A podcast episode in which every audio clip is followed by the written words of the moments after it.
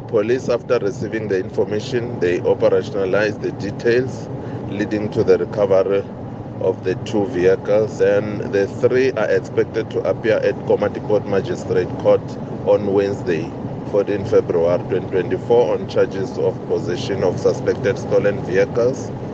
And police cannot rule out the possibility of adding more charges against the suspect in relation to the cases whereby the vehicles were uh, stolen.